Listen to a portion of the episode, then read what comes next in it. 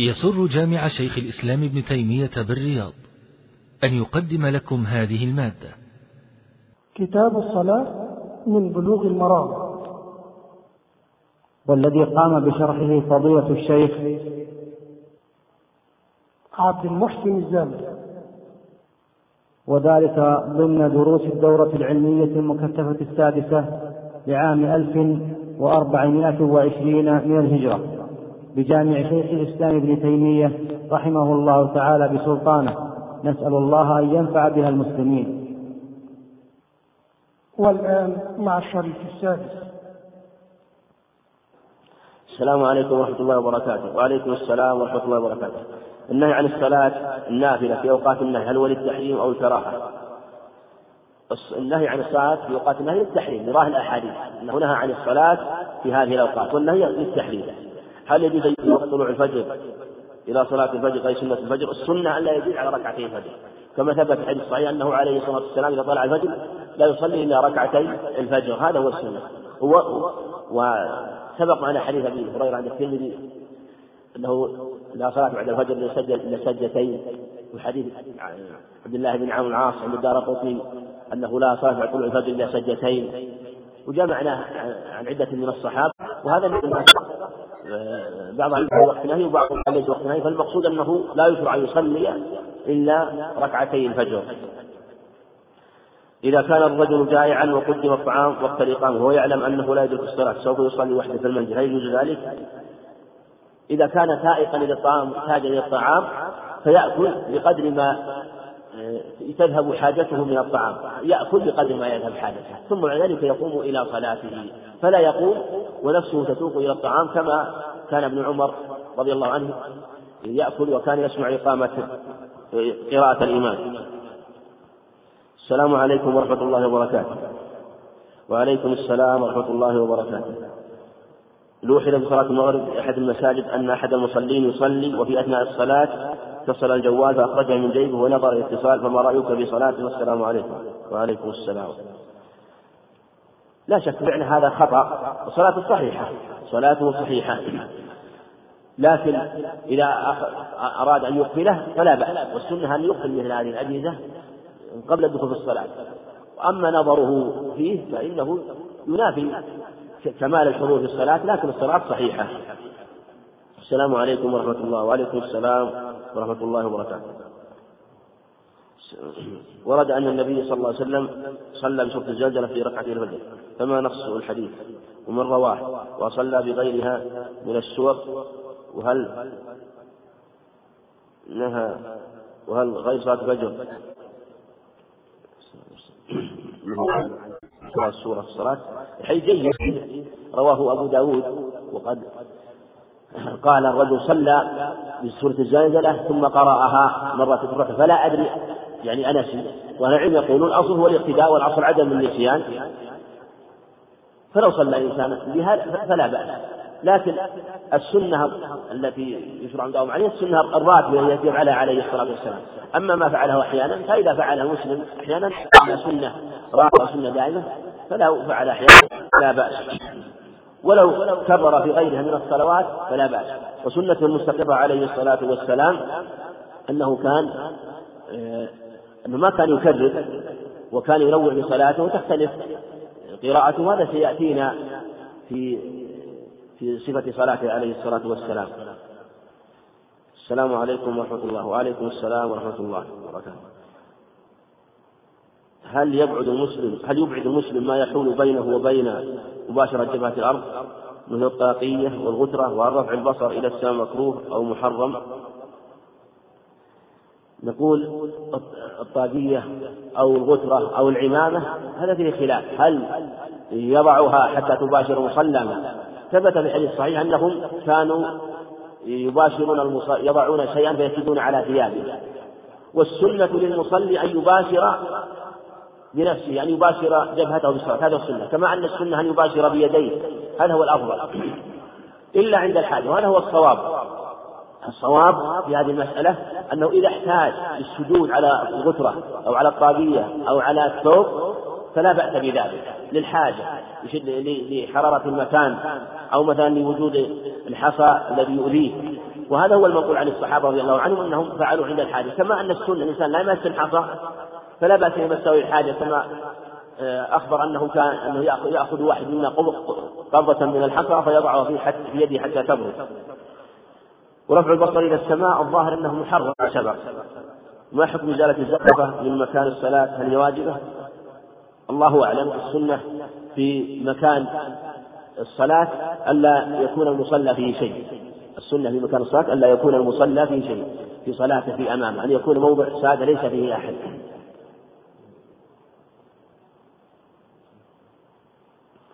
السلام عليكم ورحمة الله وبركاته. وعليكم السلام ورحمة الله وبركاته. هل يجوز بعد التثاؤب أن يقول أعوذ بالله من الشيطان الرجيم؟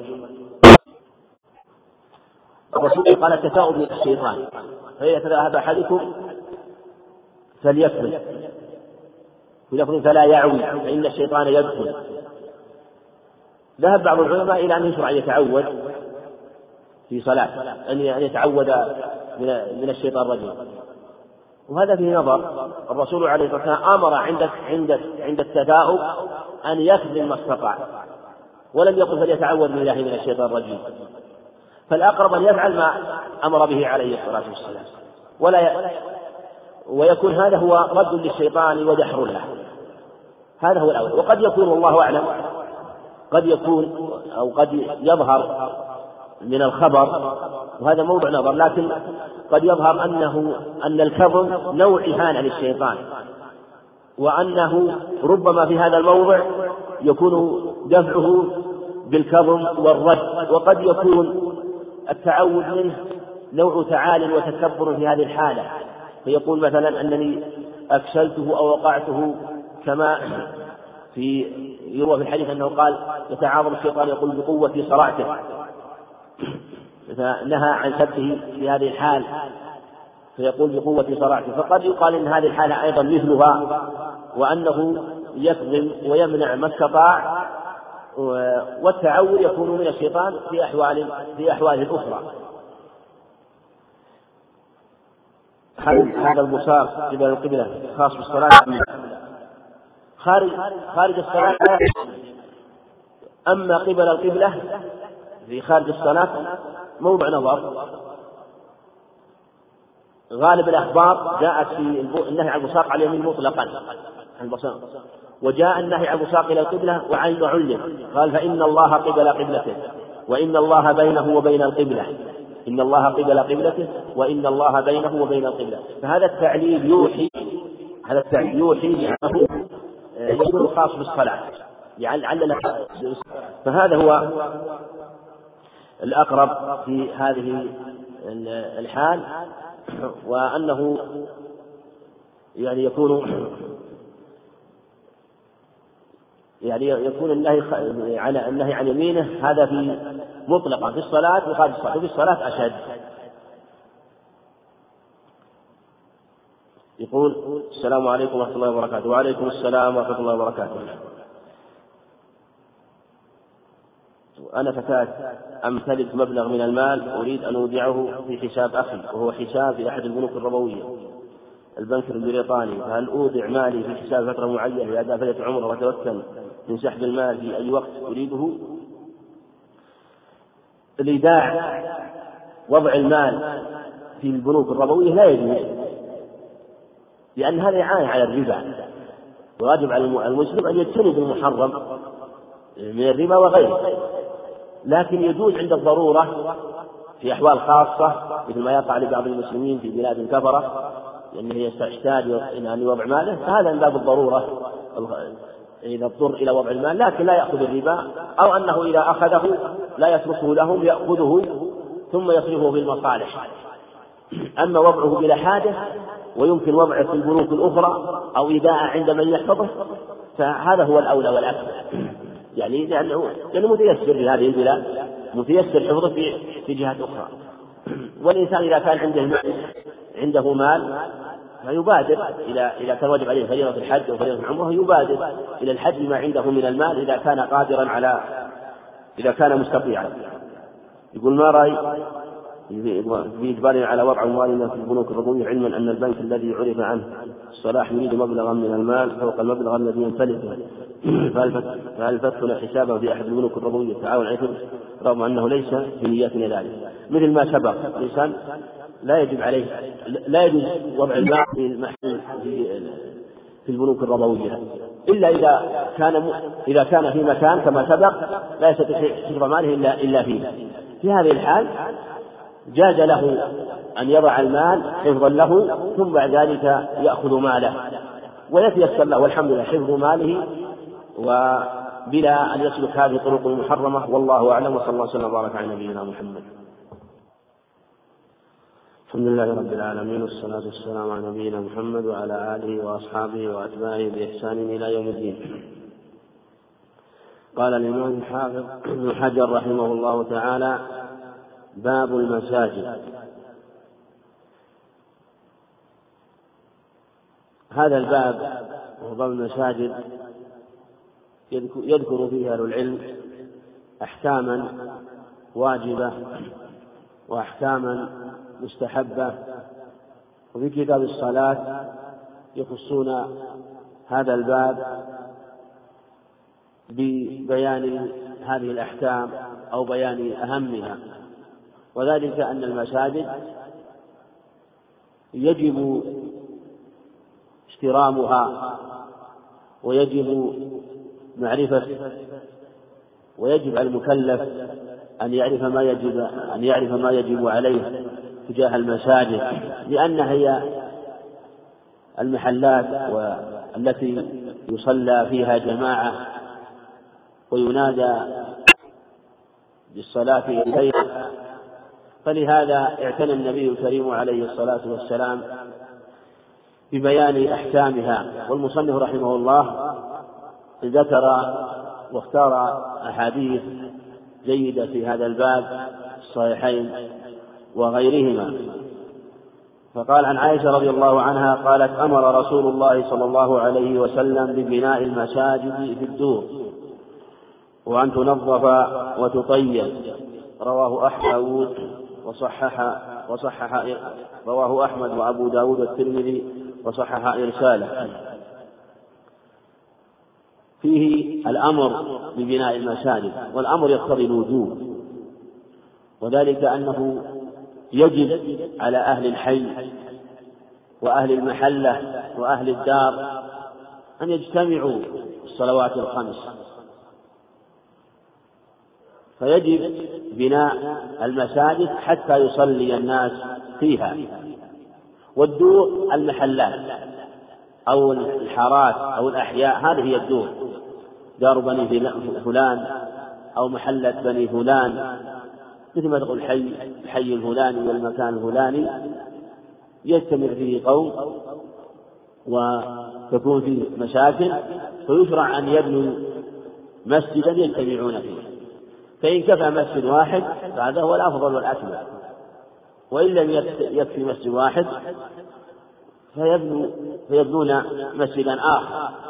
فالمقصود هو الاجتماع. والجماعة للصلاة الخمس أخف من الجماعة للجمعة الاجتماع للجمعة. ولهذا تتعدد الجماعات للصلوات الخمس ما لا تتعدد الجمع فيجب بناء المساجد حتى يجتمع الناس. وكل محل له كل دار لهم هذا المكان الذي يخصه. أمر ببناء المساجد في الدور. وإما أيضا يؤخذ من هذا أن المساجد في البيوت لا بأس أن يخص مكانا خاصا في بيته ويجعل ويجعله مسجدا خاصا له. وإن كان المراد بالدور هنا المحلات كما هو تفسير أكثر من أهل العلم أنه المراد بالمحلات الأحياء والحارات. لكن لو أنه خصص مكانا لصلاته يصلي فيه ما تيسر وما كتب الله له بيته فلا بأس. وقد كان وقد خص عليه الصلاة والسلام بعض الأماكن وصلى فيها لبعض أصحابه. قصة عتبان مالك لما قال أريد أن أصلي في بيتي مكان أتخذه أتخذه مصلى. فهذا لا بأس المراد ليس المراد بناء المراد أن يخص هذا المكان وأن يجعله موضعا للصلاة فيما ويكون له من المزية بالعناية به ما ليس لغيره.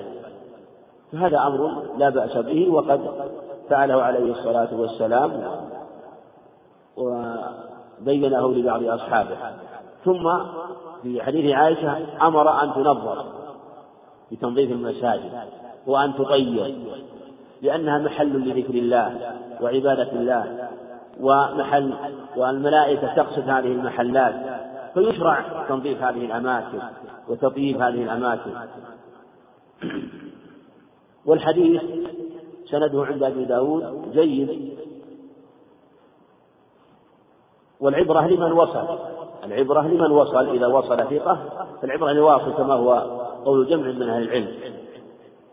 فإذا وقفه ثقة أو أرسله ثقة ووصله ثقة آخر أو رفعه ثقة آخر فالعبرة على الصحيح لمن وصل ولمن رفع لمن وصل الحديث ولم يجعله مرسلا ولمن رفعه إلى النبي عليه الصلاة والسلام ولم يجعله موقوفا أو مقطوعا.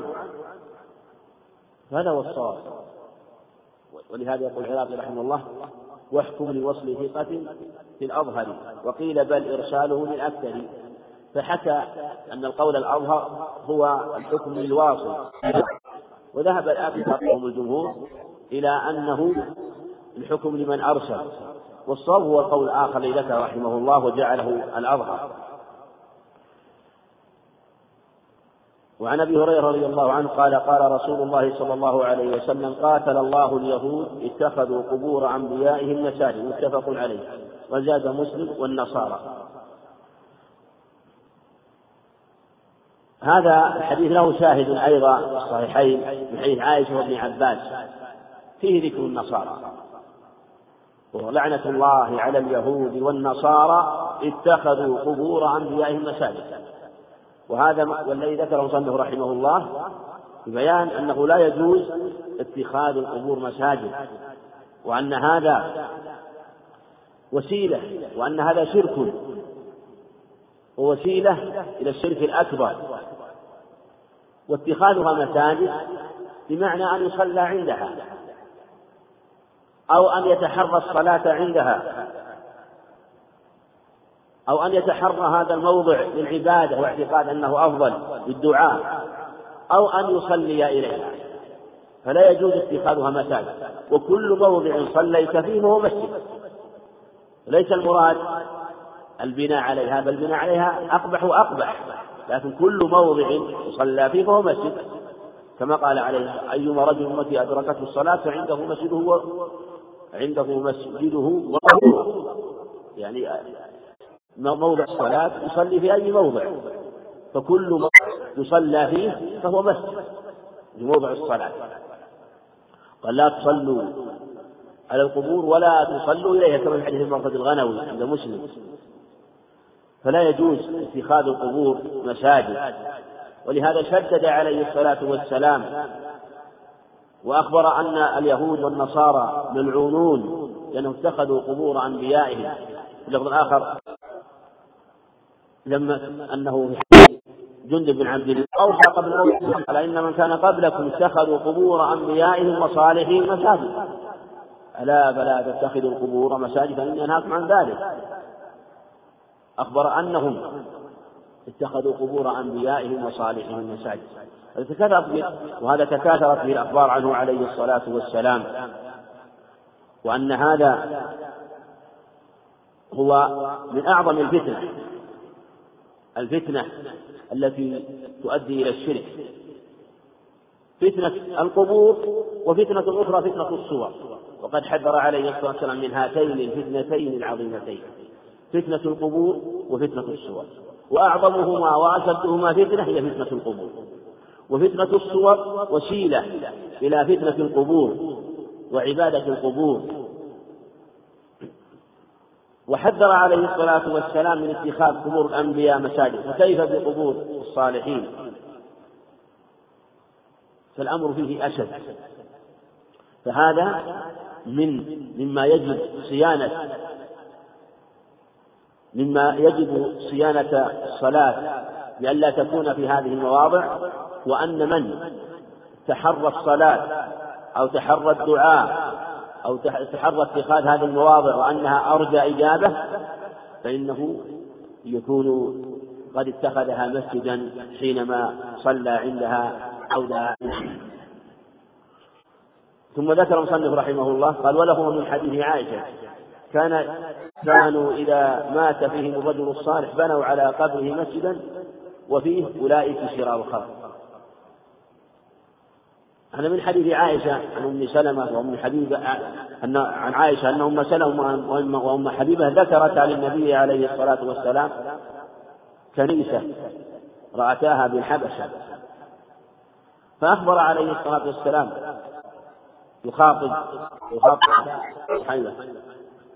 أولئك بكسر كاف وفتحها على أنه كسر على أنه خطاب الأنثى إذا مات فيهم الرجل الصالح بنوا على قبره مسجدا أولئك شرار الخلق عند الله سبحانه وفيه وفيه وصوروا في تلك الصور. أولئك شرار الخلق. ذكر الفتنتين. جمع بين فتنة ذكر فتنة الصور وفتنة القبور وبعبادة القبور. وذلك أن تصوير هؤلاء كان وسيلة. تصوير صالحيهم وعبادهم أولا كان وسيلة إلى تعظيمهم وتذكر تذكرهم ثم وسيلة إلى تعظيم ثم كان وسيلة إلى عبادتهم فشدد وحذر عليه الصلاة والسلام قبل وفاته وحذر أمته وسد طرق الشرك وحمى التوحيد عليه الصلاة والسلام. فلم يمت إلا وقد جعل الأمة على البيضاء ليلها كنهارها لا يزيغ عنها إلا هالك فصلوات الله وسلامه عليه. وعن أبي هريرة رضي الله عنه قال بعث النبي صلى الله عليه وسلم خيلا فجاءت برجل فربطوه بسارية من سواري المسجد. الحديث متفق عليه. في هذا بيان للمصنف رحمه الله أنه يجوز للمشرك أن يدخل المسجد أحيانا؟ فيجوز للمشرك سواء كان وثنيا أم يهودي أم نصراني. يجوز دخوله المسجد للمصلحة ولهذا لما أمسكوا بهذا الرجل وهو ثمامة بن وفاء الحنفي سيد بني حنيفة في وقته أسر وجيء به النبي عليه الصلاة والسلام فربط فربطه الصحابة بسارية من سوى المسجد وفي لفظ عن أمره عليه الصلاة والسلام وأقرهم على ذلك أيضا وجاء ما هو صريح أنه أمرهم بذلك. فكان عليه الصلاة والسلام يمر به كل ثلاثة أيام يقول ما عندك يا ثمام قال عندي خير. إن تقتل تقتل لا دم وإن تنعم تنعم على شاكر وإن تسأل من الماء تعطى. ثم جاء يوم الثاني قال ما عندك يا ثمامة قال مثل ما قلت لك بالأمس إن تقتل تقتل ذا دم وإن تنعم تنعم على شاكر وإن تسأل من الماء تعطى. ثم اليوم الثالث قال له مثل ذلك إن تقتل تقتل ذا دم وإن تنعم تنعم على شاكر وإن تسأل من الماء تعطى. فأمرهم وقال أطلقوا ثمامة علم عليه الصلاة والسلام أو أنه أدرك منه أنه وقر أو وقع في قلبه حب الإسلام وترك له الأمر لما أنه قال هذا الكلام الحسن. ثم ذهب واغتسل في بستان ثم جاء وشهد أن لا إله إلا الله وأن محمدا رسول الله. فكان من نعمة الله عليه أنه صار يرى الصحابة مع النبي عليه الصلاة والسلام في صلواتهم ورأى شيئا عظيما من محاسن الإسلام ومعاملة النبي له عليه الصلاة والسلام حتى وقر ودخل الإسلام في قلبه. فلا بأس من دخول المشرك للمصلحة. أو لو قال أريد أن أدخل أستمع وأعرف شيئا عن الإسلام فلا بأس. كما قال سبحانه وإن أحد من المشركين استجارك فأجره حتى يسمع كلام الله. فلا بأس أن يسمع كلام الله حتى يعرف شيئا من أحكام الإسلام ويكون سببا في هدايته. وقد كان المشركون يدخلون عن عن النبي عليه الصلاة والسلام في مسجده فدخل عليه يهودي وسأله تلك المسائل. من حديث بين مطعم الصحيحين أيضا أنه جاء وسمع قراءة النبي عليه الصلاة والسلام صلاة المغرب يقرأ سورة الطور. والظاهر أنه دخل المسجد لما جاء في أسر بدر في قصص عدة أنه أنهم دخلوا المسجد. ولهذا لما اختلف العلماء في دخول المسجد لليهود للمشرك أو للكافر على العموم منهم من أجازه مطلقا ومنهم من منعه ومنهم من أجازه للمصلحة فهذا هو الصواب. في عموم المساجد جميعها إلا المسجد الحرام كما قال إنما المشركون نجس فلا يقربوا المسجد الحرام بعد عام هذا. أما مساجد الحل فيجوز سواء في مسجد عليه الصلاة والسلام وغيره إذ هذه الأخبار وهذه القصص في دخول المشركين كانت في مسجده عليه الصلاة والسلام. فلهذه المصلحة لا بأس من دخوله للمسجد.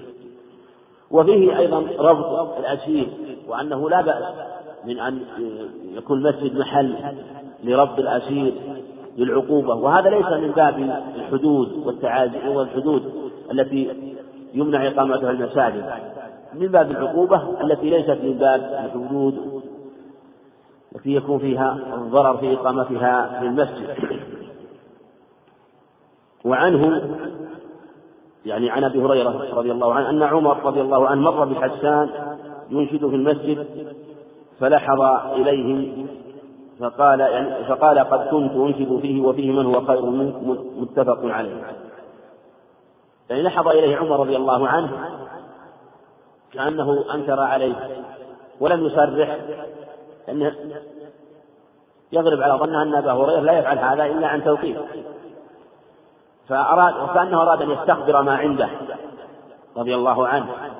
فقال قد كنت أجد فيه وفيه من هو خير منه يعني النبي عليه الصلاة والسلام وأنه أقر وإقراره سنة عليه الصلاة والسلام. يعني إقرار المسلم إقرار لغير كافر. فإذا فعل إقراره للمسلم فإنه سنة في في هذه الحالة. وثبت أيضا في حديث عائشة أنه عليه الصلاة والسلام كان ينصب المنبر لحسان ويقول اهجهم أو هاجهم وروح القدس القدس معك يعني جبرائيل عليه الصلاة والسلام. فهذا دليل على لا بأس بإنشاد الشعر المسجد. وقد ورد في حديث عبد الله بن عمرو حديث جيد عند أبي داود وغيره أنه عليه الصلاة والسلام نهى عن تناشد الأشعار في المسجد. وهذا في ظاهره يخالف حديث أبي هريرة وما جاء معناه اختلف العلماء في الجمع بينهما. منهم من قال إن الأمر إن النهي للكراهة وتصريفه أحاديث أخرى التي دلت على الجواز. ومنهم من قال إن النهي عن الأشعار أشعار الجاهلية وأشعار البطالين. والقول الثالث في هذه المسألة أن أن أن حديث إنشاد الشعر أصح وأرجح. وأحاديث النهي لا تقاومها. وهنالك مسألة آخر رابع أيضا وهو أن النهي عن عن إكثار الشعر في المسجد وأن يكثر فيه حتى يكون كأنه منتدى أو محل للشعر. والجائز الشيء القليل القليل الذي يوجد أحيانا فلا بأس وهذا من أجود المسالك ويليه الترجيح لأن حديث الإنشاد أصح. وأقربها هو أن يغلب الإنشاد على المسجد وأن يكون موضعا لإنشاد الشعر ويكثر ويظهر فيه. أما إذا فعل أحيانا فلا بأس كما فعل في مسجده عليه الصلاة والسلام. أما القول بأن النهي عنه لأجل أنه من شعر البطالين أو أو النهي عن شعر الذي يكون فيه وصف للشر وصف للخمر وما وصف للفواحش هذا فيه نظر لأن هذا محرم في المسجد وفي غير المسجد. وهذا يظهر أنه نهي خاص نهي خاص عن المسجد. فإذا حصل تناسب للشعر على وجه لا يكثر في المسجد فلا بأس بذلك جمعا بين الأخبار في هذا الباب. وعنه رضي الله عنه وقد جاء في حديث البراء بن عازب أيضا أنه عليه الصلاة والسلام قال لبلال في صحيح البخاري أمر حسان أن ينشد وقال أخرجهم وروح القدس معك لكن ليس فيه ذكر المسجد. وعنه رضي الله عنه قال قال رسول الله صلى الله عليه وسلم من سمع رجلا ينشد ضالة في المسجد فليقل لا رد لا ردها الله عليك فإن المساجد لم تبن لهذا رواه مسلم. هذا عن أبي هريرة وفي أيضا عن بريدة أن رجلا قال من دعا إلى الجمل الأحمر؟ يسأل عن جمل الضائع فقال عليه الصلاة والسلام لا وجدت إنما بنيت المساجد لما بنيت. رواه مسلم. فهذا الحديث حديث هريرة وحديث بريدة وما جاء في معناها أيضا يدل على أنه لا يجوز إنشاد الضالة في المسجد. والضالة تكون من الإبل من يعني من البهائم من الإبل وغيرها. والمال يقال له ضائع. يعني الضياع يكون في المال والضلال يكون في البهائم. فمن سمعه ينشر ضالة فالمشروع أن يقول لا وجدت أو لا ردها الله عليه دعاء عليه لأنه لم يأخذ بأدب المساجد برفع الصوت بإنشاد الضالة والبحث عنها. والإنشاد إنشاد الضالة معنى رفع الصوت بذلك من النشيد وهو رفع الصوت به والنشدة هو الصوت والنشيد هو رفع الصوت به.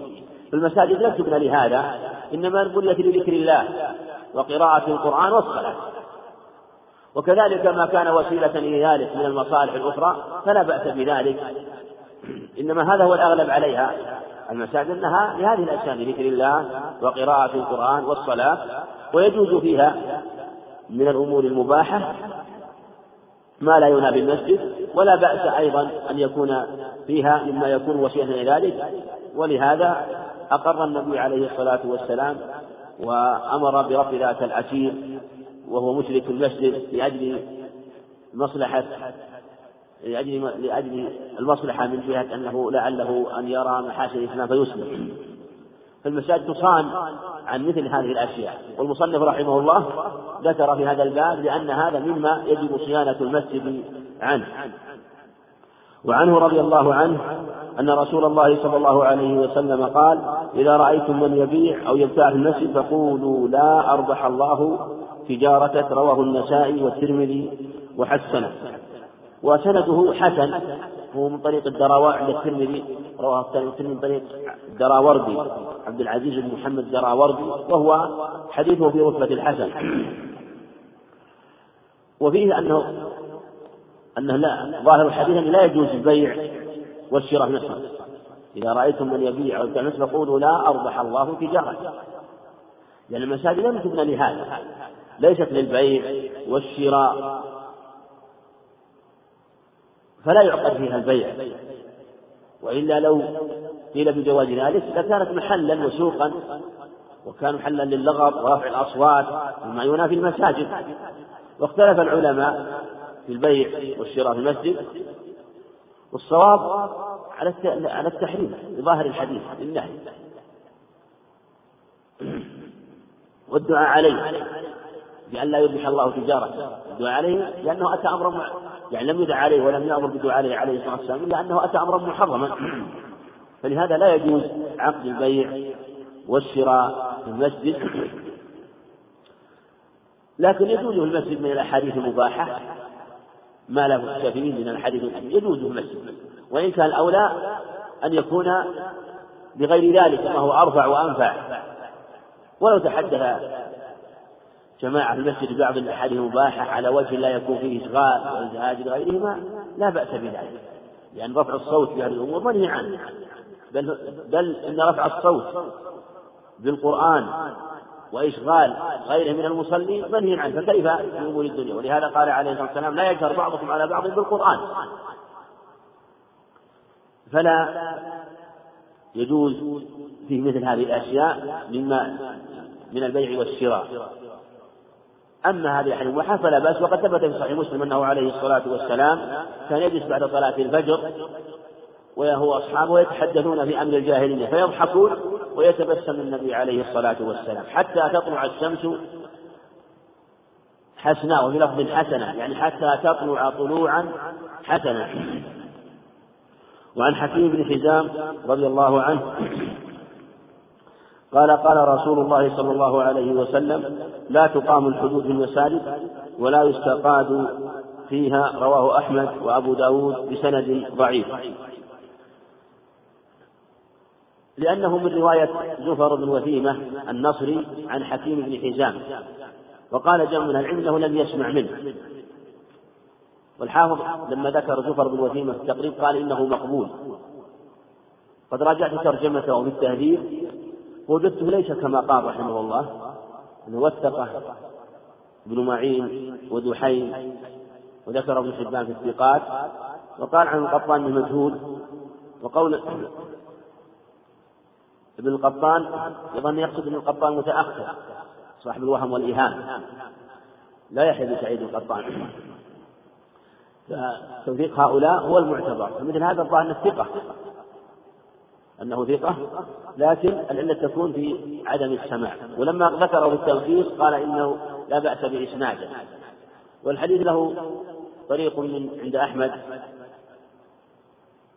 طريق آخر من عند عن حكيم بن حزام عن أحمد لكن ينظر في سنده هل يقوى ولا ما يقوى؟ وله شاهد عند الترمذي من حديث عباس رواية إسماعيل المسلم المكي فيقوى بهذه الشواهد. والحدود لا تقام في المساجد. ولا يستقى فيها القول لا لا يقام فيها جميع الحدود. لأن هذا ينافي المساجد وربما أنه في إقامة الحد على المحدود يحصل من حدث أو يحصل ويحصل من نجاسة أو ربما مع الحد نزل من شيء أو خرج منه دم أو ما أشبه ذلك. فهذا ينافي المحسن بخلاف ما مر من ضبط الأسير فإن هذا ليس من باب إقامة الحدود بل هو من العقوبة. وهذا مثل ما جاء في الحديث أنه لا بأس به. وعن عائشة رضي الله عنها قالت أصيب سعد يوم الخندق فضرب عليه رسول الله صلى الله عليه وسلم خيمة في المسجد ليعوده من طريق متفق عليه. سعد بن معاذ رضي الله عنه أصيب يوم الخندق وكان منزله متراخيا بعيدا عن المسجد فأمر عليه الصلاة والسلام أن يضرب له خيمة في المسجد. وسيد الأوس سعد بن معاذ رضي الله عنه وكان عليه الصلاة والسلام يمر به ويعود ويعود حتى يكون أقرب.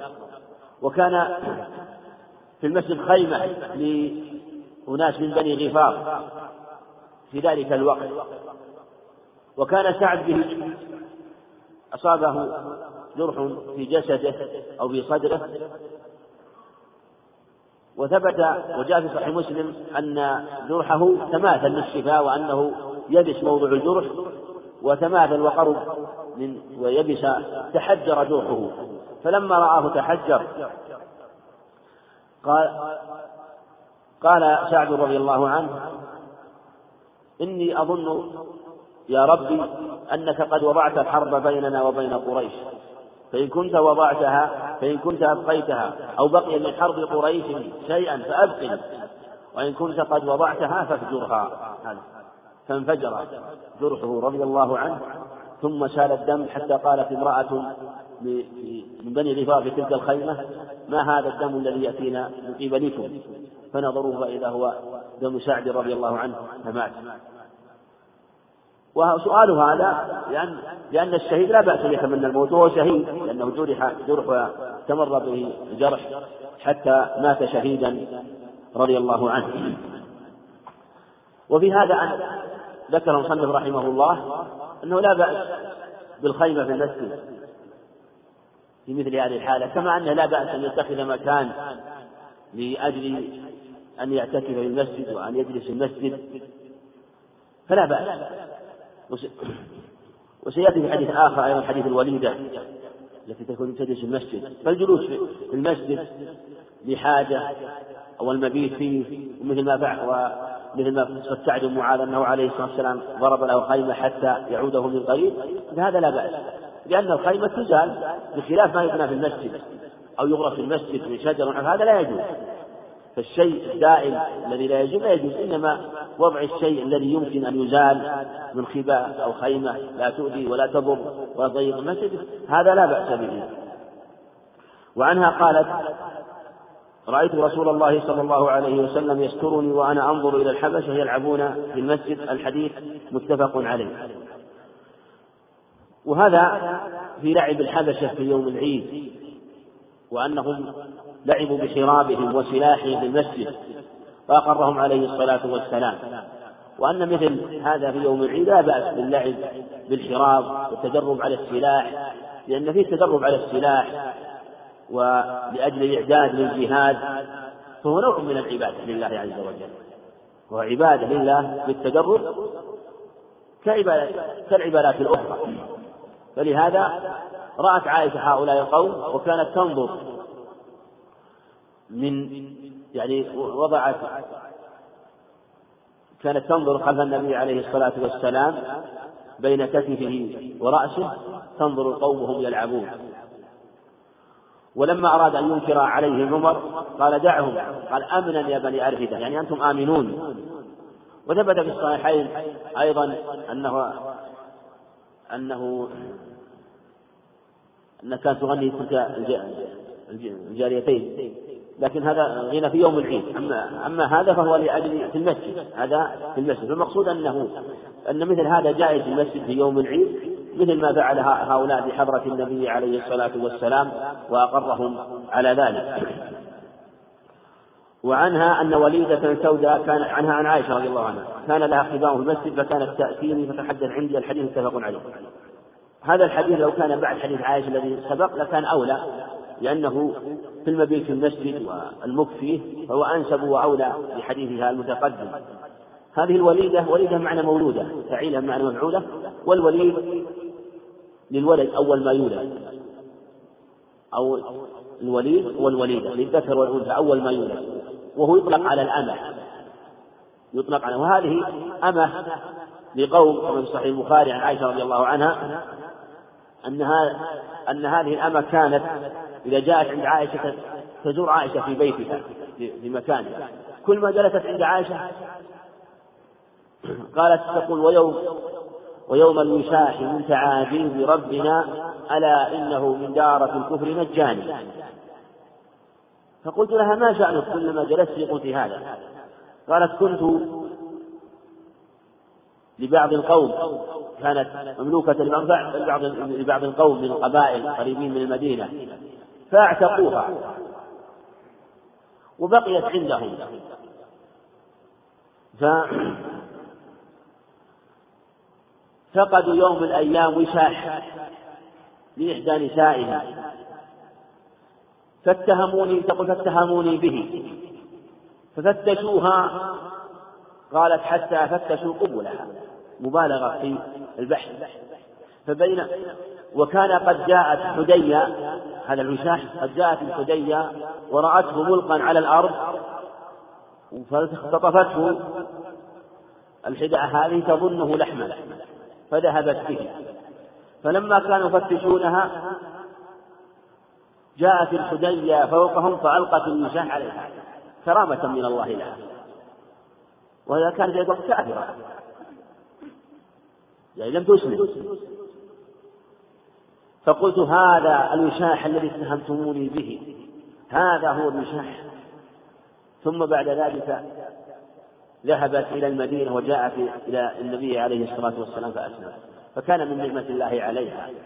ما وقع من هذا الأمر الذي كرهته أن وقعت هذه الكرامة. وفي هذا أنه أن الكافر ربما خلقت له العادة خاصة إذا دعا ودعوة الوضوء مستجاب وإن كان كافرا وإن كان فاجرا كما في الأخبار عن النبي عليه الصلاة والسلام وإن كان كافرا أو فاجرا فهجوره وكفر على نفسه. من فضلك اقلب الشريف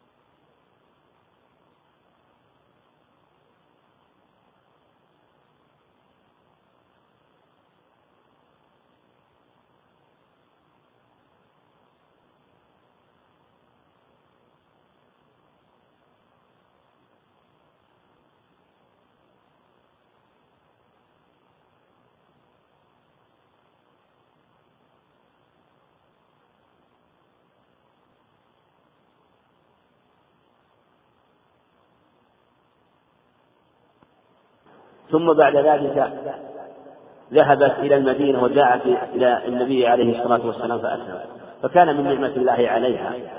ما وقع من هذا الأمر الذي كرهته أن وقعت لهذه الكرامة وفي هذا أنه أن الكافر ربما خلقت له العادة خاصة إذا دعا ودعوة المظلوم مستجاب. وإن كان كافرا وإن كان فاجرا كما في الأخبار عن النبي عليه الصلاة والسلام. وإن كان كافرا أو فاجرا ففجوره وكفره على نفسه. فكانت هذه المرأة تجلس في المسجد وتبيت في المسجد. لأنه لا بأس من المبيت في المسجد للمرأة والرجل على وجه الحشمة ولا فتنة فيه. وقد ثبت في الصحيحين عن ابن عمر أنه قال كنت شابا عجبا أبيت في المسجد. وجاء في المسند بإسناد صحيح أنه كان يبيت في المسجد هو وشباب من شباب الصحابة. قال كنا نقيل في المسجد أو نبيت فيه ونحن شباب. والمبيت في المسجد اختلف العلماء فيه وهو إن كان لحاجة إن كان لحاجة كالاعتكاف هذا لا بأس به بل هو ربما كان واجبا ربما كان مستحبا بحسب الاعتكاف كان منذورا كان واجبا وإن كان غير ذلك كان مستحبا وإن كان لحاجة عارضة وهذا قسم آخر لحاجة عارضة غير الاعتكاف مثل يكون مسافرا أو إنسان جاء إلى هذا المكان وليس لديه مكان أو ليس له ما يسكن فلديه مال يسكن به فإنه لا بأس به في المسجد. وإن كان لغير ذلك هو من البلد وعنده مسكن فلا يبيت في المسجد. لكن لو أنه استرخى في المسجد أحيانا أو نام فيه أحيانا على وجه الراحة فيه وعلى وجه لا يكون فيه الشغل للمسجد لغير ممن يريد العبادة في غير أوقات الصلاة مثلا فهذا لا بأس به. وقد ثبت في الصحيحين من حديث وقد جاء في الصحيحين أيضا أن علي رضي الله عليه الصلاة والسلام سأل فاطمة عن علي وكان فقال أين هو أين هو؟ فقالت في المسجد فذهب ووجده مستلقيا في المسجد ونائم في المسجد. فقد غطى التراب أو علق التراب بجنبه فقال قم أبا التراب قم أبا التراب. مع أنه له بيت فمثل هذا لا بأس به. وعن انس رضي الله عنه قال قال رسول الله صلى الله عليه وسلم البصاق في المسجد خطيئة وكفارتها دفنها متفق عليه. سبق معنى هذا وأن المسجد كفار والبصاق مسجد خطيئة لكن هل يجوز هل يجوز البصاق في المسجد ابتداء إذا كان بالحصب أو بالتراب؟ فيه خلاف. ذهب جمع من العلم إلى أخذا بعموم هذا الحديث إلى أنه خطيئة ولا يجوز البصاق وذهب آخرون بعموم الأخبار أخرى أنه لما قال فليبسط عن يمينه يعني عن شماله تحت قدمه بعموم هذه الأخبار. وقال يجوز البصاق في المسجد. وثبت وجاء في حديث في حديث أنه بصق عليه الصلاة والسلام الشخير عبد الله بن الشخير أنه بصق ويصلي والظاهر انه بصق في المسجد عليه الصلاة والسلام. والأظهر أنه كف أنه خطيئة إذا لم يدري لما جاء في المسند أنه من بصق فدفن فحسن ومن لم يبصق فسيء فهذا يفصل المقام يبين أنه خطيئة بقيد عدم الدفن وحسنة بعدم الدفن خاصة إذا هيأ الحفرة قبل مثل أن يكون هيأها وحفر قبل أن يبصق يكون أبلغ في عدم كتابة السيئة. فهو خطيئة وكفارتها دفنها. وربما لم تكتب الخطيئة إذا هيأ لها قبل البصاق وعنه رضي الله عنه قال قال رسول الله صلى الله عليه وسلم لا تقوم الساعة حتى يتباهى الناس حتى يتباهى الناس بالمساجد. أخرجه الخمسة إلا الترمذي وصححه ابن خزيمة. والحديث إسناده عند أبي داود صحيح. والتباهي والتفاخر. التباهي هو التفاخر. ومعنى المباهاة إما بالقول أو بالفعل. وهذا من علامات النبوة فقد وقع ما أخبر به عليه الصلاة والسلام. فتباهى الناس بالمساجد. بمعنى أن يتباهى بالفعل بأن يتفاخروا في بنائها والتفنن في صنعتها ونقشها وتزيينها حتى تصرف المصلي عن الصلاة. أو التباهي بالقول بأن يقول مسجدي أحسن مسجدك وبناء مسجدي أحسن مسجدك أو ما أشبه ذلك أو مسجدنا أحسن مسجدك فالعمارة بالتقوى عمارة بالتقوى والعبادة. ومسجده عليه الصلاة والسلام كان مسقوفا بالجريد وعمده جذوع النخل. واستمر هكذا حتى توفي عليه الصلاة والسلام. وفي عهد أبي بكر لم يغير منه شيئا. وعمر رضي الله عنه لم يغير من هيئته إنما مد فيه رضي الله عنه. فلما كان في عهد عثمان سقفه بالساج وأيضا غير فيه أشياء على وجه لا يكون فيه فتنة أو صرفا للمصلين. ثم استمر الأمر حتى كان عهد الوليد بن عبد الملك هو أول من دخل المساجد أول من دخل المسجد النبوي أول من مسجد بنى مسجد بني أمية في دمشق وجعل فيه شيئا من الفضة والذهب والفضة وأنكر عليه بعض العلماء في الوقت لذلك ومنهم من سكت خشية الفتنة في ذلك. وعن ابن عباس رضي الله عنهما قال قال رسول الله صلى الله عليه وسلم ما أمركم بتشييد المساجد؟ أخرجه أبو داود وصححه ابن حبان. وهو إسناده صحيح. قال ما أمركم بتشييد المساجد؟ والتشييد من الشيد وهو الجص وهو أن تملق بالجص وهذه العبارة ربما أشعرت بأن الأولى عدم تشييدها بهذا لكن ما فيه نهي. قال ما أمرت بتشييد المساجد. مثل قوله إن الله لم يأمرنا النفس والحجارة والطين كأنه يعني ولم ينهى عن ذلك لكن يفهم من مساق اللفظ أن الأولى ترك ذلك لكن لا يكون كتشييدها على وجه يكون فيه فتنة بالنقوش خاصة في جهة القبلة. فهذا هو المنهي عنه وهو من البدع في المساجد عند عند جمهور أهل العلم. وعن انس رضي الله عنه قال قال رسول الله صلى الله عليه وسلم عرضت علي اجور امتي. حتى القذاة في المسجد يخرجها الرجل من المسجد. رواه أبو داود والترمذي واستغربه صححه ابن خزيمة.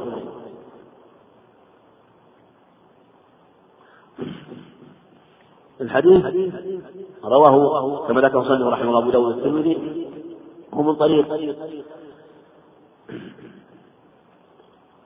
من طريق المطلب بن عبد الله بن حنطب وهو لم يسمع من الصحابة لم يسمع من صحابي رضي الله عنه. فهو بهذا السند ضعيف وجاء العرض في أحاديث أخرى لكن فيه إشارة إلى أنه إلى إزالة الأذى بأقل الأشياء قال عرض علي أجور أمتي حتى القذاة. قال حتى القذاة وحتى القذاة.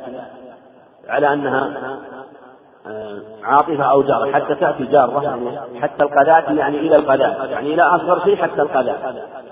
أو حتى القذاة عطف على أجور. والقذاة هنا يكون من القذى في العين والأذى في العين. وفي هذا مبالغة في تطهير المساجد وإزالة الأذى. ومما ينبغي أيضا أن الإنسان إذا كان في ثوبه أذى أو أو مثلا في جسده أن لا يزيله ويضعه في المسجد. وقد جاء في الحديث المسند الذي روي من طريقين أنه عليه الصلاة والسلام قال لرجل رأى نملة في ثوبه فرمى بها في المسجد فقال عليه صرها في ثوبك حتى تخرج من المسجد. وفي, وفي, وفي اللفظ الآخر أنه من قوله. عليه الصلاة والسلام قال إذا وجد أحدكم النملة أو القملة فلا يطيع فليصرها حتى يخرج من المسجد. هذه مبالغة في تطهير المساجد من جميع أنواع القذى والأذى. آه، فكيف ما هو أكبر من ذلك؟ فيشرع صيانتها عن هذا. وهو أيضا من طريق من طريق ابن جريج عن مطلب بن عبد الله بن حنطر وابن جريج مدلس. وإن تدليس قليل لكنه مدلس. وعن أبي قتادة رضي الله عنه قال قال رسول الله صلى الله عليه وسلم إذا دخل أحدكم المسجد فلا يجلس حتى يصلي ركعتين. متفق عليه. وهذا في مشروعية الصلاة تحية المسجد إذا دخل. وهذا عام على الصحيح في جميع الأوقات كما سبق. وأنه يعم أوقات النهي وغير أوقات النهي. إذا دخل المسجد فلا يجلس حتى يصلي ركعتين. بلفظ فليصلي ركعتين. يعني جاء النهي عن الجلوس وجاء قبل الصلاة ركعتين وجاء الأمر بالصلاة بصلاة ركعتين قبل الجلوس. فأمر بهما قبل الجلوس ونهي عن الجلوس قبل أن يصليهما. وهذا من وهي من ذوات الأسباب التي تصلى في أوقات النهي وذكرنا سبب أن هذا هو مذهب الشافعي رحمه الله في الدين. تيمية رحمه الله ابن القيم اختاره العلامة الكبير الشيخ عبد بن باز رحمه الله وغفر له. فهو قول جيد وعموم الأخبار يدل لصحة هذا القول. وثبت أيضا في حديث صحيح أنه عليه الصلاة والسلام قال لجابر لما جاء يأخذ الثمن لجمله وكان النبي عليه الصلاة والسلام في المسجد قال صلي ركعتين. أمر به يصلي ركعتين. أمر جابر يصلي ركعتين. وذهب جمهور العلماء على أنهما المشروع مشروع أن يصلي الركعتين وذهب بعض العلماء إلى وجوب الركعتين آه، للأمر بهما في هذه الأخبار والله أعلم.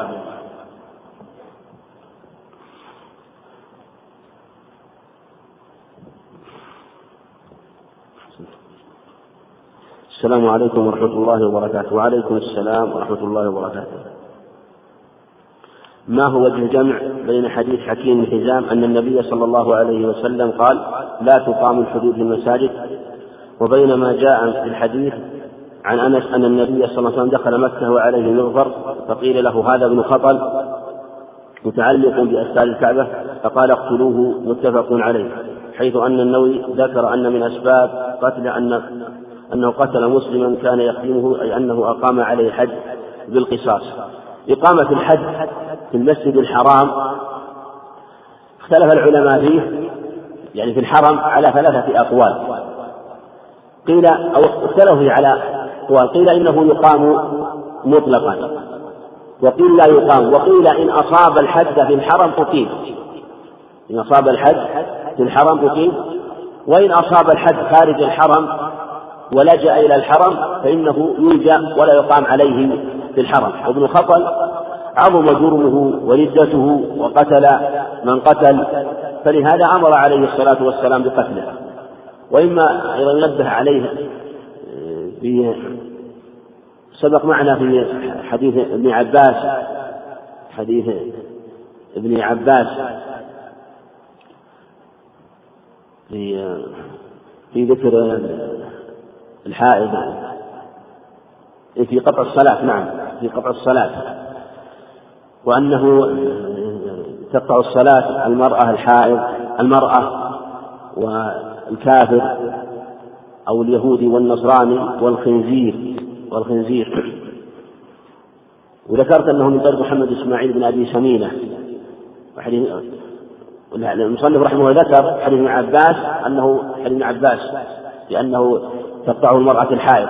وذكرت التقييد أن هذا الحديث من طريق من أبي سمينة وهو وهم نبهني إليه بعض الإخوان بعد الدرس يوم السبت الذي مضى.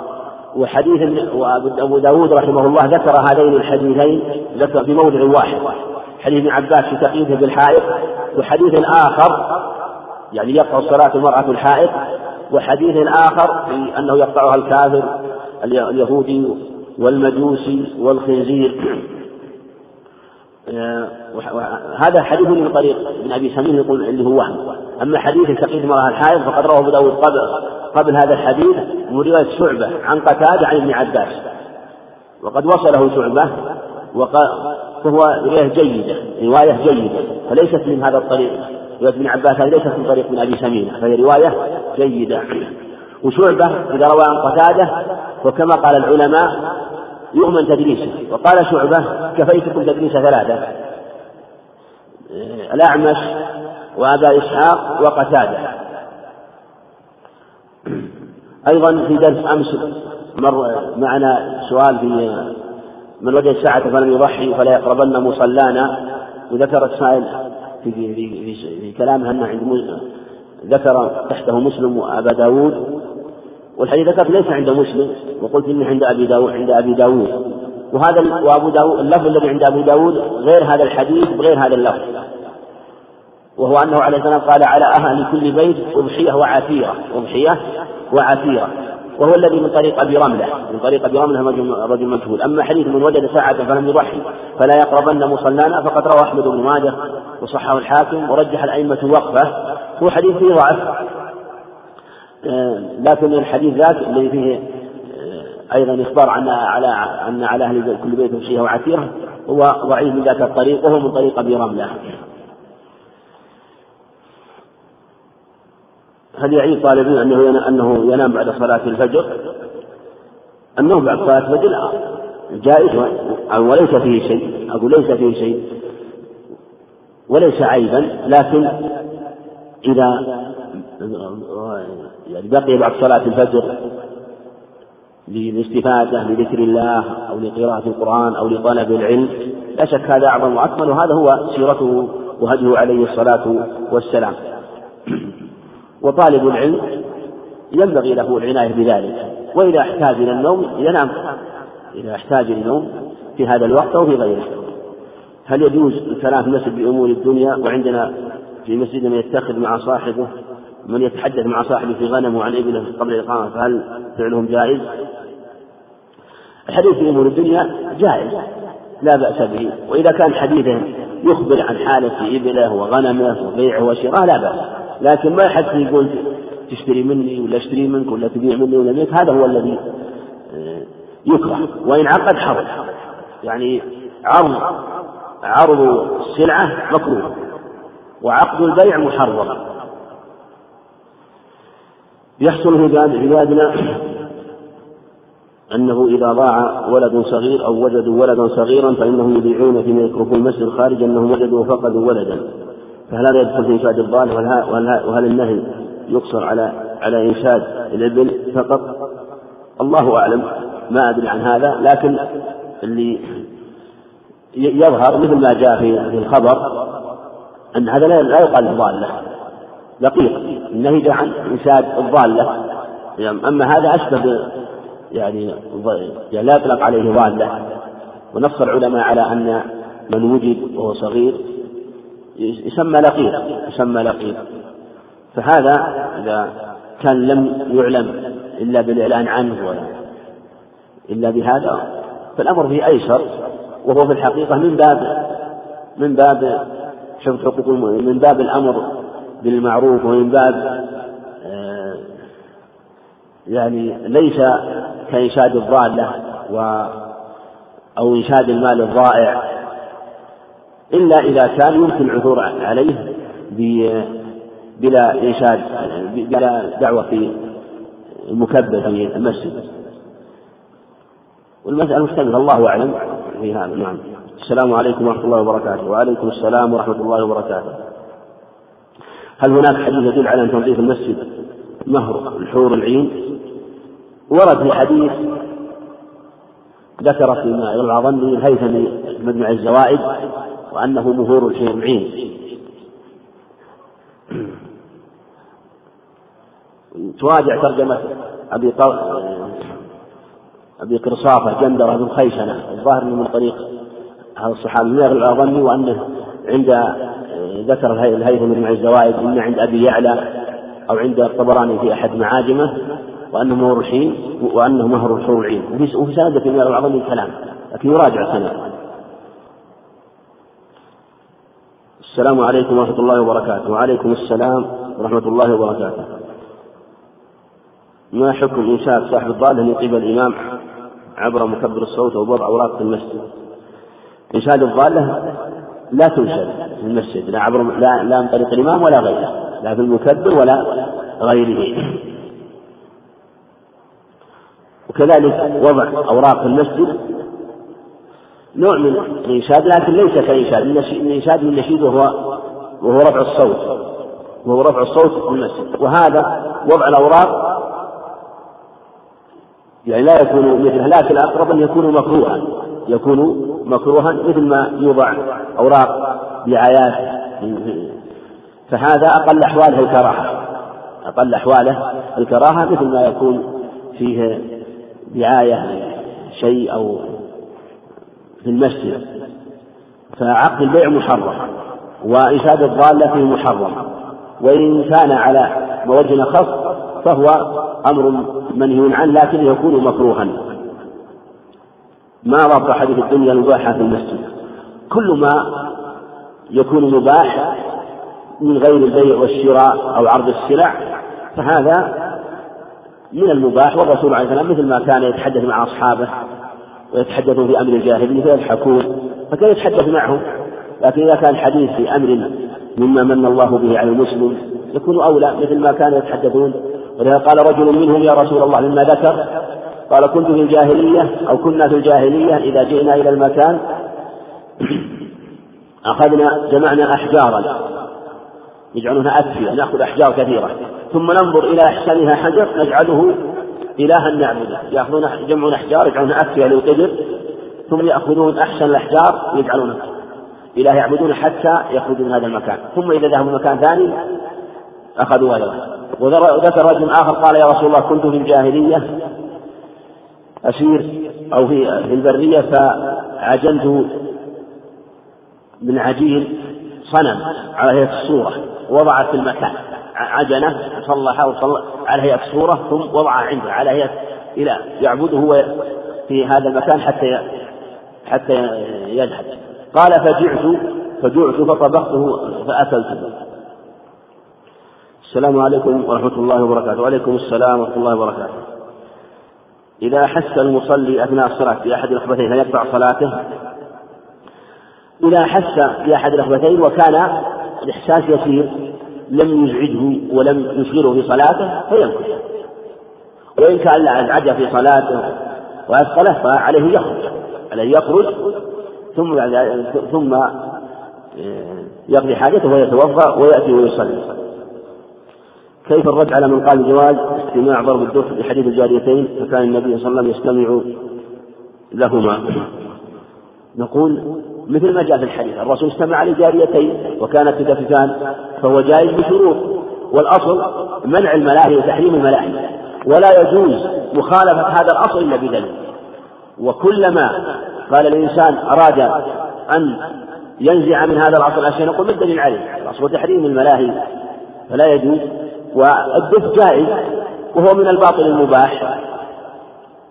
الذي أباحه الله وأباحه الله للجواري. ولهذا ذهب أكثر العلم لا يجوز للرجال لكن يجوز استماعه كما أنه يجوز للنساء ضرب الدف في النكاح لكن لا يجوز استماعه لا يجوز استعماله للرجال فيجوز استماعه في هذه المناسبات في النكاح وفي يوم العيد في حق هؤلاء الجواري الصغار ولهذا لم يعزي عن الصحابة أنهم كان أن الرجال كانوا يستخدمون الدف أو كانوا يضربون به. قول لا أربح الله تجارة هل هو على سبيل الوجوب أو على سبيل الاستحباب ظاهر الحديث أنه على سبيل الوجوب أو نقول له لا أربح الله تجارة. هذا ظاهر الحديث. والله أعلم وصلى الله وسلم على نبينا محمد. الحمد لله رب العالمين والصلاة والسلام على نبينا محمد وعلى آله وأصحابه وأتباعه بإحسان إلى يوم الدين. قال الإمام الحافظ ابن حجر رحمه الله تعالى باب صفة الصلاة. عن أبي هريرة رضي الله عنه أن النبي صلى الله عليه وسلم قال إذا قمت إلى الصلاة فأسبغ الوضوء ثم استقبل القبلة فكبر ثم اقرأ ما تيسر معك من القرآن ثم اركع حتى تطمئن راكعا ثم ارفع حتى تعتدل قائما ثم اسجد حتى تطمئن ساجدا ثم ارفع حتى تطمئن جالسا ثم اسجد حتى تطمئن ساجدا ثم افعل ذلك في صلاتك كلها. أخرجه السبعة واللفظ للبخاري ولابن ماجه بإسناد مسلم حتى تطمئن قائما. هذا الحديث حديث أبي هريرة يعرف بحديث المسيء صلاته. وهو حديث عظيم فيه بيان صفة الصلاة من قوله عليه الصلاة والسلام وتعليمه لذلك الجاهل بحكم الصلاة بأحكام الصلاة. فهذا رجل دخل المسجد وصلى والنبي عليه الصلاة والسلام يشاهده وأصحابه. ثم جاء وسلم على النبي عليه الصلاة والسلام. فقال ارجع فصل فإنك لم تصل. ثم الثانية فقال له مثل ذلك. ثم الثالث ثم قال والذي بعثك بالحق لا أحسن غير هذا فعلمني. ثم علمه عليه الصلاة والسلام كما في هذا الحديث. وفيه أنه عليه الصلاة والسلام لم يعلمه أول وهلة ولم يبادر إلى تعليمه بل تركه حتى صلى المرة الثانية والثالثة لعله ينتبه إلى الخطأ ثم يلاحظ نفسه وينظر ما هي الأخطاء التي وقعت في صلاته فيكون أوقع لقلبه إذا علمها بنفسه أو انتبه أو إذا علم. فلما أنه بادر بحسن الامتثال وحسن العرض في طلب التعليم قوله والذي بعثك بالحق لا أحسن غير هذا فعلمني علمه عليه الصلاة والسلام. فقال إذا قمت إلى الصلاة فأسبل الوضوء ثم استقبل القبلة. فكبر. في كثير من الروايات الصحيحين ليس فيها ذكر إسباغ الوضوء واستقبال القبلة وهذا اللفظ موجود في الصحيح صحيح البخاري في كتاب الاستئذان. استقبال القبلة إذا قمت فاستقبل القبلة وأسبل الوضوء. وفي قوله إذا قمت صريح في أنه يجب القيام في الصلاة. قال سبحانه وقوموا لله قانتين فالقيام ركن من أركانها ولا تصح الصلاة إلا إلا مع القيام مع القدرة على ذلك. وأجمع العلماء على هذا. إذا قمت إلى الصلاة إذا قمت إلى الصلاة فأسبغ الوضوء وهذا المراد من هذا القيام عند إرادة الصلاة. لكن ذلك القيام قيام عند التكبير لها. كقول تعالى يا أيها الذين آمنوا إذا قمتم إلى الصلاة فاغسلوا وجوهكم وأيديكم مرافق يعني إذا أردتم القيام لها. فيجب الإسباغ والإسباغ هذا المراد به كما أمر الله كما في الرواية الثانية. يعني أنه يجب أن يسبغ الإسباغ الواجب الذي أمره الله. في قوله إذا قمتم الصلاة فاغسلوا وجوهكم وأيديكم من المرافق وامسحوا برؤوسكم وأرجلكم إلى الكعبين. وهو شرط للصلاة. ثم استقبل القبلة. استقبالها أيضا شرط لها. فلا تصح الصلاة. إلا باستقبال القبلة عند معرفتها. فاستقبل ثم استقبل القبلة فكبر. وفيه أن التكبير لا بد منه في الصلاة. وهو ركن من أركانها أو شرط من شروطها على خلاف وهذه التكبيرة تكبيرة الإحرام. المقصود أنها واجبة ولا تسقط. ومن دخل الصلاة بلا تكبير لا تصح صلاته. ولو ناسيا أو جاهلا بل لا بد أن أن يكبر. ولهذا أمر النبي عليه الصلاة والسلام ذاك الرجل أن يعيد صلاته لما علمه الصلاة. فكبر. ثم ثم قول كبر قول المصلي الله أكبر. ولا يحصل المقصود بدون هذا التكبير. ولو قال الله العظيم أو سبحان الله العظيم أو الحمد لله أو ما أشبه ذلك فإنه لا يصح الدخول على الصحيح. بل لا بد أن يأتي بهذا الفعل. حتى ولو قال الله الأكبر أو الله الكبير. الله أكبر. يقول هذه الكلمة. وتحريمها التكبير كما في حديث علي. تحريمها التكبير وتحليل التسليم. فلا يدخل المصلي في صلاته إلا بالتكبير قائلا الله أكبر. ثم اقرأ ما تيسر معك من القرآن. وهذه الرواية مفسرة بالرواية الأخرى حديث رفاعة بن رافع. وهو حديث وهو رواية أخرى من شاهد لحديث أبي هريرة. حديث رفاعة بن رافع في حديث تعليم المسيء صلاته أيضا عند أبي داود والنسائي والترمذي وأحمد وابن حبان وحديث صحيح. شاهد لحديث أبي هريرة في تعليم مسيء صلاته. وجاء تسميته بأنه خلاد بن رافع أن الذي أساء صلاته. فقول اقرأ ما تيسر معك من القرآن مفسر بالرواية الأخرى جاءت في حديث رفاعة بن رافع أنه أمره أن يقرأ الفاتحة. وما تيسر فالواجب الفاتحة. وسيأتي في الأحاديث النص على الفاتحة وأنه لا صلاة لمن لم يقرأ بأم القرآن. ثم اركع حتى تطمئن راكعا. يجب عليه أن يركع وأن يطمئن. ولا يحصل مسمى الركوع في الشرع إلا بالاطمئنان. وكذلك في جهة اللغة لا يسمى راكع إلا إذا ركع باطمئنان. فالركوع لا بد فيه من الاطمئنان. وهذا هو قول الجمهور وهو الصواب. والاطمئنان أيضا لا يحصل إلا بأداء الواجب من ذكر الركوع. وهذا هو الصواب. لو قيل ما قدر الإطمئنان قيل قدره أن يركع ويقول سبحان ربي العظيم. وإلا لا يحصل منه. لو أنه حنى ظهره ثم رفع لم يكن مطمئنا. فلا بد من أن يقول هذه الكلمة مرة واحدة وبه يحصل الإطمئنان في صلاته ويكون أدى الذكر الواجب في الركوع. ثم اركع حتى تطمئن راكعا نص على الاطمئنان فدل على أنه لا بد منه في الركوع. ثم ارفع حتى تعتدل قائما. لا بد من الاعتدال واعتدال مع اطمئنان كما في الأخرى حتى تطمئن قائما.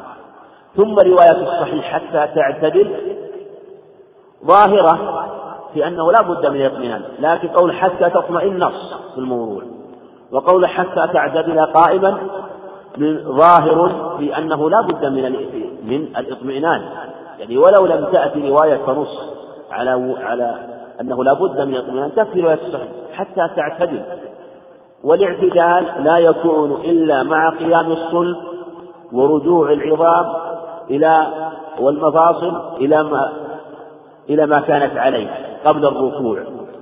وهذا هو حد الإطمئنان. ثم اسجد حتى تطمئن ساجدا.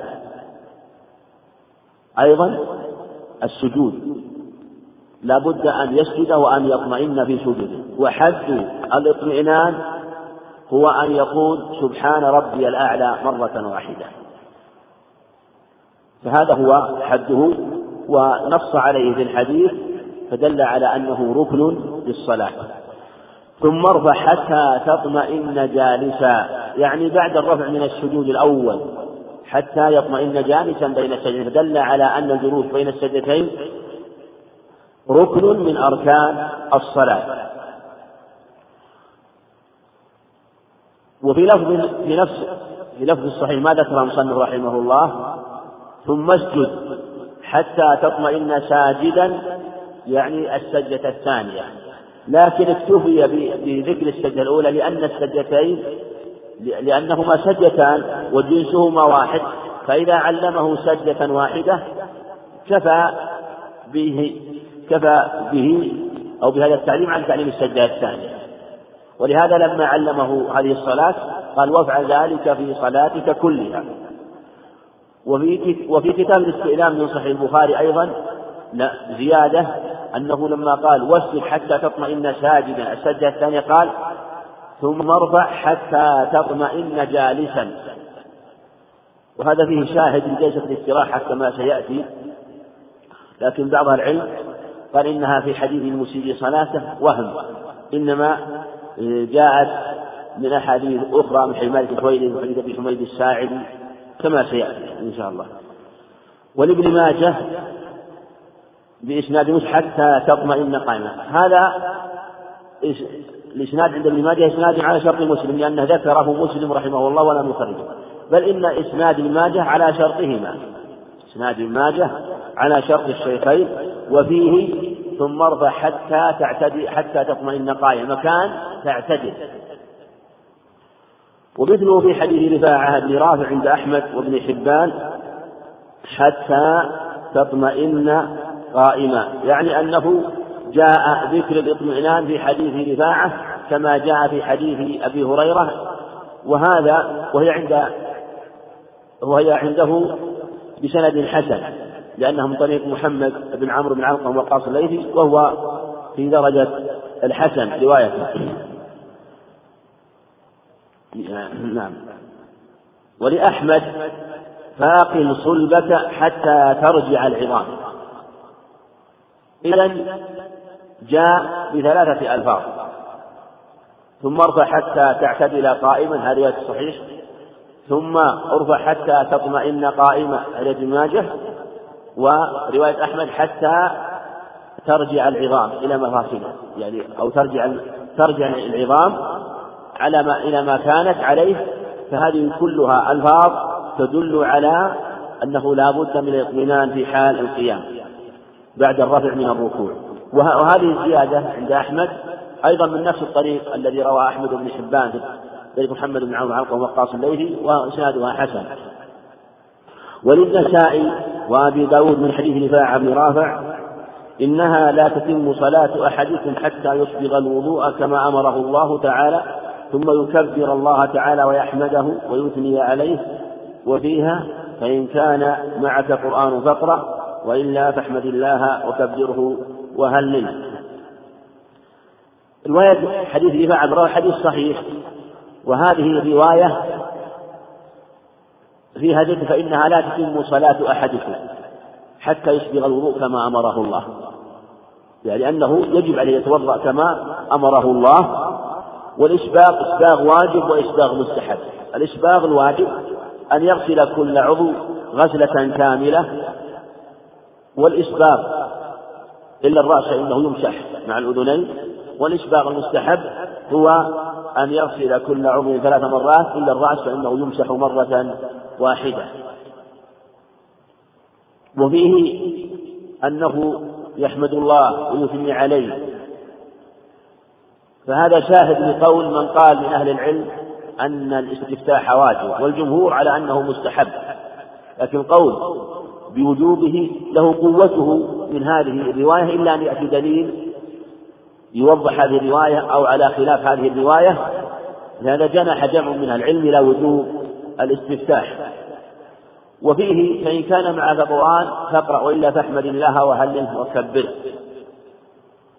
ومن لم يستطع قراءة الفاتحة وجب عليه أن يقرأ أن يقرأ مكانها هذه الأذكار يقول الحمد لله سبحان الله ولا إله إلا الله ويزيد الله أكبر ولا حول ولا قوة إلا بالله كما في حديث عبد الله بن أبي أوفى أيضا أنه أمره أن يحمد الله وأن يسبحه وأن يهلله وأن يكبره يقول لا حول ولا قوة إلا بالله. وفي الغالب أن الذي يعرف هذه الكلمات لا يعجز عن الفاتحة. لكن ربما أنه دخل الوقت وهو لا يمكنه أن يتعلم الفاتحة أو ضاق به الوقت.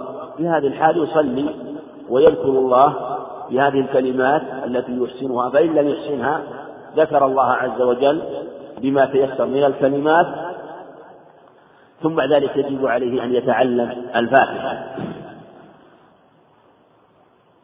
ولأبي داود ثم اقرأ بأم الكتاب وبما شاء الله. هذا يفسر تلك الرواية ثم اقرأ ما تيسر معك من القرآن وأن الواجب أن يقرأ الفاتحة. ثم يقرأ ما تيسر من القرآن فإنه مستحب أن يقرأ زيادة على الفاتحة. لكن الواجب الذي لا تتم الصلاة إلا به وهو ركن الصلاة قراءة الفاتحة. قراءة الفاتحة فيقرأ. ثم بعد ذلك يزيد ما شاء. أن أقرأ فصاعدا. لا قراءة لا صلاة إلا بأم القرآن فصاعدا. فالمراد أنه ما زاد على ذلك. ما زاد على ذلك مطلوب وليس بواجب. ولابن حبان ثم بما شئت أطلق له. وهاتان الروايتان رواية أبي داود بن حبان أيضا من طريق محمد بن عمرو وهي إسناد كل منهما حسن. وعن أبي حميد مثل قوله عليه الصلاة والسلام لا لا تقطع اليد إلا في ربع دينار فصاعدا. يعني فما زاد في قوله لا صلاة بأم إلا بأم القرآن فصاعدا.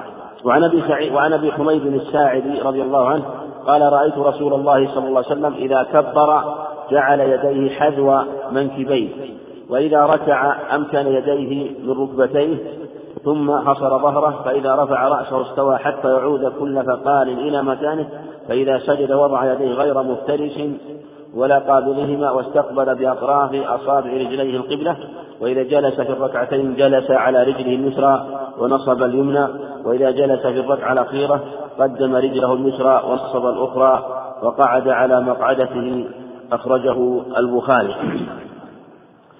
وهذا بيان لصلاته عليه الصلاة والسلام ونقلها كما رآها رضي الله عنه. وهو أنه قال رأيت رسول الله صلى الله عليه وسلم إذا كبر جعل يديه حذو منكبيه اليدان هذا لهما موضعان هذا هو الموضع الأول تجعل حذاء المنكبين يجعل يده محاذية ويكبر والموضع الثاني كما سيأتينا أن يضعهما حذاء الأذنين يرفعها أن تكون حذاء الأذنين. وفي حديث ابن حميد هذا وفي حديث ابن عمر حذو منكبين. حديث مالك بن حويرث حذو أذنين. والصواب أنهما موضعان خلافا لمن قال إنها أنه موضع واحد. أنها موضع واحد. ومن قال حذاء وأن من قال حذاء أذنيه أراد به أطراف الأصابع. ومن أراد حذاء منكبيه أراد منتهى اليد من جهة الرسل. يعني فتكون اليد بين الكتف والأذنين. تكون يده بين كتفه وأذنيه هكذا وأنه موضع واحد. الصواب أنهما موضعان مرة حذاء الأذنين ومرة حذاء الكتفين هذا هو الظاهر لأن الأصل في النقل الحقيقة كما نقل الصحابة ولهذا نقل بعضهم أنه شاهد يديه حذاء منكبيه وبعضهم شاهد يديه حذاء أذنيه صلوات الله وسلامه عليه. وإذا ركع أمكن يديه من ركبتيه يعني أنه يقبض ركبتيه بيديه عليه الصلاة والسلام. وسيأتينا في رواية عند الحاكم وغيره أنه فرق أنه فرق أصابع عليه الصلاة والسلام. لأن تفريق الأصابع مما يعينه في تمكين يديه من ركبتيه ويعينه على ركوعه. فيفرج بينهما بخلاف سائر المواضع فإنه إذا بسطهما في الأرض أو رفعهما في التكبير فإنه يقارب بينهما ولا ينشر أصابعه. ف وإذا ركع أمكن يديه من ركبتيه ظهر حصر ظهره عليه الصلاة والسلام.